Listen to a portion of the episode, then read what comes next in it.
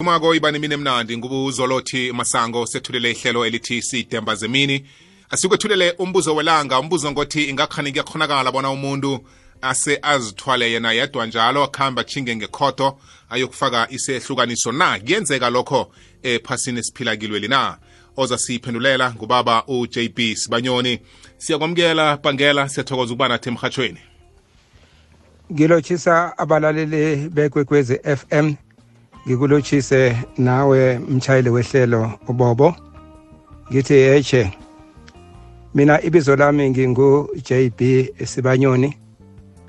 For Jonas Ben Sibanyoni oligcwetha elizijameleko. Kanti-ke futhi ongukomishinara wekhotho yamacala amancane ekuthiwa i-small claims court begodwa ongukomishinara kwa-south african human rights commission. Namhlanje singifuna ukukhuluma malungana nesahlukaniso ukuthi khani ngabe isahlukaniso senziwa bunjani? Khulukazi nasingathi abantu ababili bakhambile bayokuchata kwa home affairs. Kutholakala ukuthi abantu labo bekade banganabo abofakazi ama-witnesses. Aloke abantu bazibuza umbuzo ukuthi nengabe bafuna ukwenza isahlukaniso. Kuyakhonakala namkha angakwazi munye wabo akhambe yedwa tere ayokufaka isahlukaniso ngaphandle kwalo achade naye. Begodwa ngaphandle kwabofakazi laba begade bakhona mhlazana bachadako. Kanti-ke futhi okunye-ke abazibuza khona abantu abaningi indaba yokuthi nangenzeka ukuthi umthatho usulwe kwenziwe isahlukaniso i-divorce kufanele ukuthi kwazakale ukuthi amafa kuthiwani ngawo nakukhulunyiswana ngawo ukuthi ahlukanise. Azahlukaniswa njani umuntu akhamba yedwa?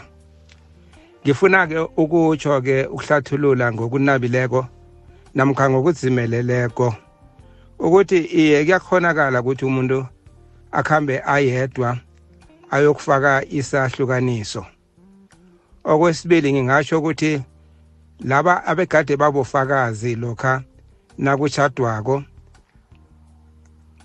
kungenzeka eh ukuthi bangazi nokwazi ukuthi labo bantu sebayahlukaniswa. Kanti ke futhi akukakateleleki ukuthi babe khona labo ebekade bakhona naku sayinwako kutlikitlwa kuchadwa indaba isala nalaba ababili. Kodwa na ke engifuna ukukusho ukuthi kwenzeka ngayiphi indlela ukuthi umuntu akhambe ayedwa ayokufaka isahlukaniso be awusule awuqede umshado? Lokho kwenzeka nje kwakuphela nangabe lo ashade naye sele wanyamalala akasaziwa lana akhona.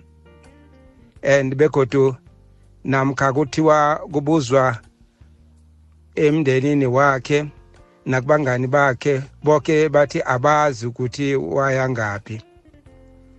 Aloke umthetho uyavuma ukuthi uyakwazi ukuthi ungasifaka ke isibawo sokwahlukanisa ngamanye amagama i-divorce.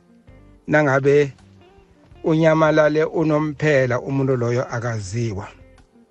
Kodwa ke nawenza njalo kufanele ukuthi kube nesibawo osifakako ekhotho la kuzogadangiswa khona emaphepheni. Amaphepha athengiswa la umuntu loyo bekahlala khona esithi yi-legal notice. Ebese ke uyasifaka ke isibawo ukuthi naku ngifakile emaphepheni akaveli umuntu bengishade naye. Ikhotho ke iyakwazi ukuthi ikulalele uwedwa iwusule umtshado loyo. And begodu ke nakungenzeka ukuthi impahla wayisukela kungenzeka ukuthi ikhotho ikuvumele ukuthi impahla ithathwa nguwe ngombana angeze wakhona ukuhlukanisa nomuntu ongaziwako ukuthi ukuphi. Ngifuna ukuthatha ithubeli ngikhalimele labo abenza ngamabomu baleya amala. Umuntu avele afake emaphepheni athi umuntu bengishade naye angimazi wayaphi begodu nomndeni wakhe awumazi umuntu loyo nala bekasebenza khona bamazi nabangani bakhe abamazi. Lokho kuyinto engekho emthethweni. Ngamanye amagama kukuphula umthetho ngombana ukufaka isibawo esinjalo sikhambisana nesifungo eh istatement esifungelwe esithi affidavit la ufaka isibawo esinjengaleso. Aloke nawenza istatement esifungelwe vane uzibophelele ukuthi okukhulumako kuliqiniso iqiniso lodwa ingasi ngenye into kodwa na iqiniso. Nakungatholakala ukuthi uthe umuntu umazi ukuthi kuphi wafaka isibawo esinjengaleso wafunga ukuthi ukhuluma iqiniso lodwa iqiniso lonke begodu wathi inkosi ngisize ngikhuluma iqiniso. Ungabotshelwa ukuthi wenze into emamala ngamanye amagama uleye amala. Ilokho-ke engifuna ukukuhlathulula elangeni namhlanje si ngithokoze ithuba engilitholako kubalaleli bekwekwezi FM ngithokoze kuye ubobo ngithokoze nakubavezi behlelo ngiyathokoza nasoke ipendulo mntwana kwethu kwamambala inembile izwakele siyathemba ukuthi-ke iyakusiza ngakwelakho ihlangothi sibela phambili nehlelo sidishile. Ikwekwezi FM. Dava. 94.5.